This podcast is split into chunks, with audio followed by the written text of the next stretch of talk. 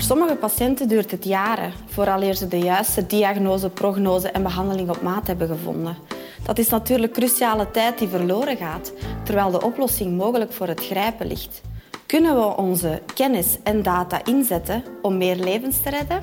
In België worden we verwend als het gaat om technologie en de gezondheidszorg. Twee werelden die hand in hand zouden kunnen gaan, maar elkaar niet altijd even vlot vinden. Data-ingenieur Lisbeth Peters zweeft ergens tussen beide in en probeert ze ook samen te brengen, want dat is letterlijk van levensbelang.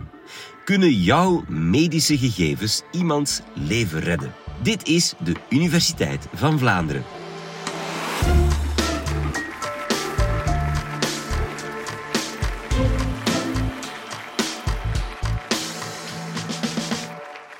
Wie van jullie heeft er ooit al bloed gedoneerd? Steek maar gewoon jullie hand op. Hm, ja, dat valt mee. Door bloed te doneren kan je levens redden. Dat weten we. En vandaag zal ik jullie ook uitleggen hoe je door het delen van gezondheidsgegevens of data ook levens kunt redden. Nu, ik zie hier en daar al iemand fronsen.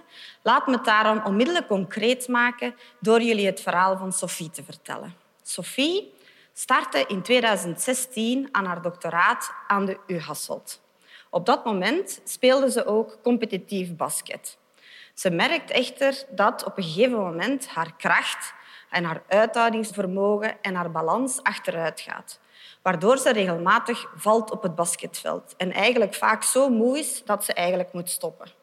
Daarnaast wordt het heel moeilijk voor haar om de complexe zaken van haar doctoraat te onthouden en te ontrafelen. Dus ze gaat naar de dokter met een race aan vage klachten.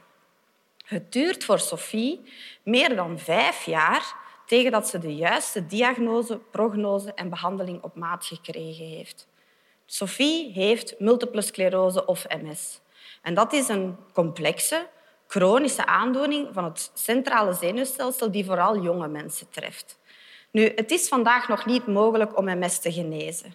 Maar er zijn wel een heel deel effectieve behandelingen beschikbaar die, vooral wanneer ze vroeg kunnen opgestart worden, de ziekte enorm kunnen vertragen. Dus wanneer iemand heel snel een juiste behandeling kan krijgen, dan kunnen we eigenlijk de ziekte heel sterk uitstellen. Maar op het moment dat Sophie haar diagnose en behandeling op maat kreeg, was haar aandoening al sterk gevorderd. Ze heeft op dat moment een stok nodig om te wandelen, proeft het verschil niet meer tussen zout en zoet en kan zich zo moeilijk concentreren dat ze eigenlijk geen werk meer kan zoeken na haar doctoraat. Indien Sophie haar behandeling vroeger had kunnen opstarten, dan was het misschien allemaal anders gelopen. Nu, het is gewoon heel moeilijk om voor zo'n complexe ziekte zoals MS een juiste behandeling te vinden. Maar wat als we de kennis en ervaring van onze topdokters zouden kunnen combineren met de kracht van computers? Wat als we de vage klachten van Sophie zouden kunnen vergelijken met de symptomen van heel veel andere mensen? Dan zouden we eigenlijk die lastige beslissingen rond diagnose, prognose en behandeling misschien kunnen versnellen. Maar daarvoor hebben we natuurlijk heel veel gezondheidsgegevens of data nodig, zogenaamde big data. En dat is niet zo evident. Nu natuurlijk, het verhaal van Sophie is niet de enige vraag in onze gezondheidszorg. Er zijn heel veel dringende vragen die datagedreven inzichten nodig hebben. En het wetenschappelijk onderzoek dat we willen verrichten om tot die inzichten te komen, daarvoor is die data cruciaal.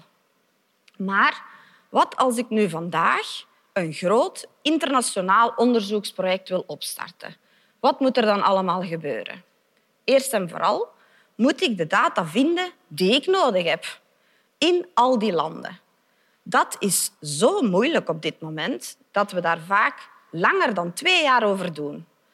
En omdat het dan over gezondheidsgegevens of persoonsgegevens gaat, hebben we uiteraard een heel deel ethische en legale complexiteiten die we moeten overwinnen. Reken daar ook makkelijk twee jaar bij. En dan kunnen we eigenlijk pas gaan beginnen met de data te herwerken en klaar te maken voor analyses.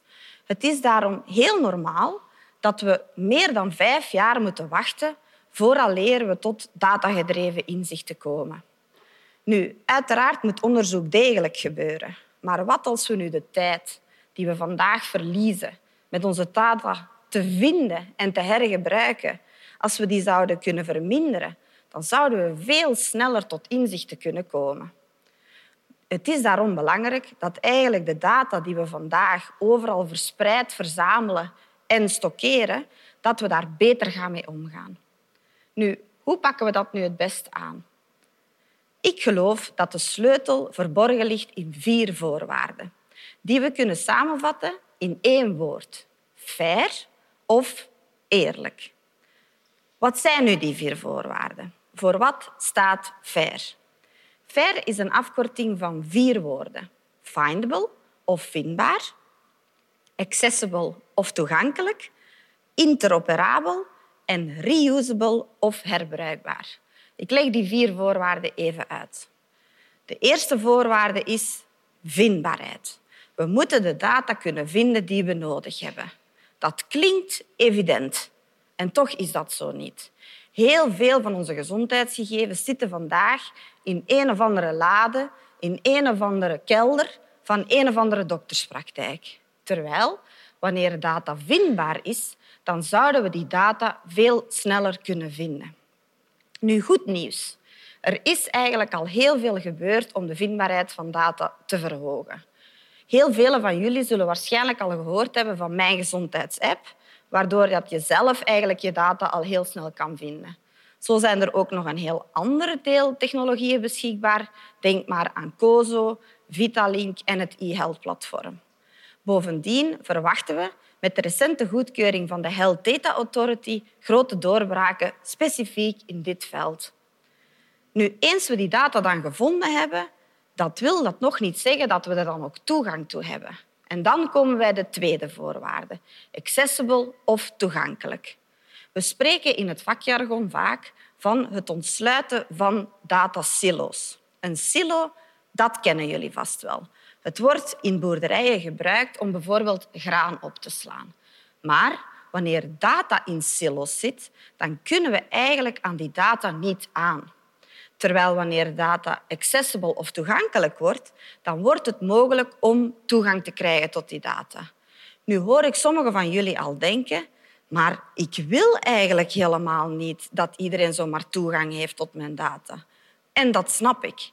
Het is daarom belangrijk om te benadrukken dat wanneer data accessible of toegankelijk is, dat niet wil zeggen dat zomaar iedereen toegang heeft. Nee, het wil zeggen dat de personen of de actoren die eigenlijk toegang zouden moeten hebben, omdat ze een hele dringende vraag willen beantwoorden, dat die eigenlijk toegang kunnen krijgen. De derde voorwaarde is het lastigste uit te leggen. Interoperabel. En daarom doe ik het aan de hand van een voorbeeld. Stel, we willen gegevens verzamelen over het geslacht van onze burgers.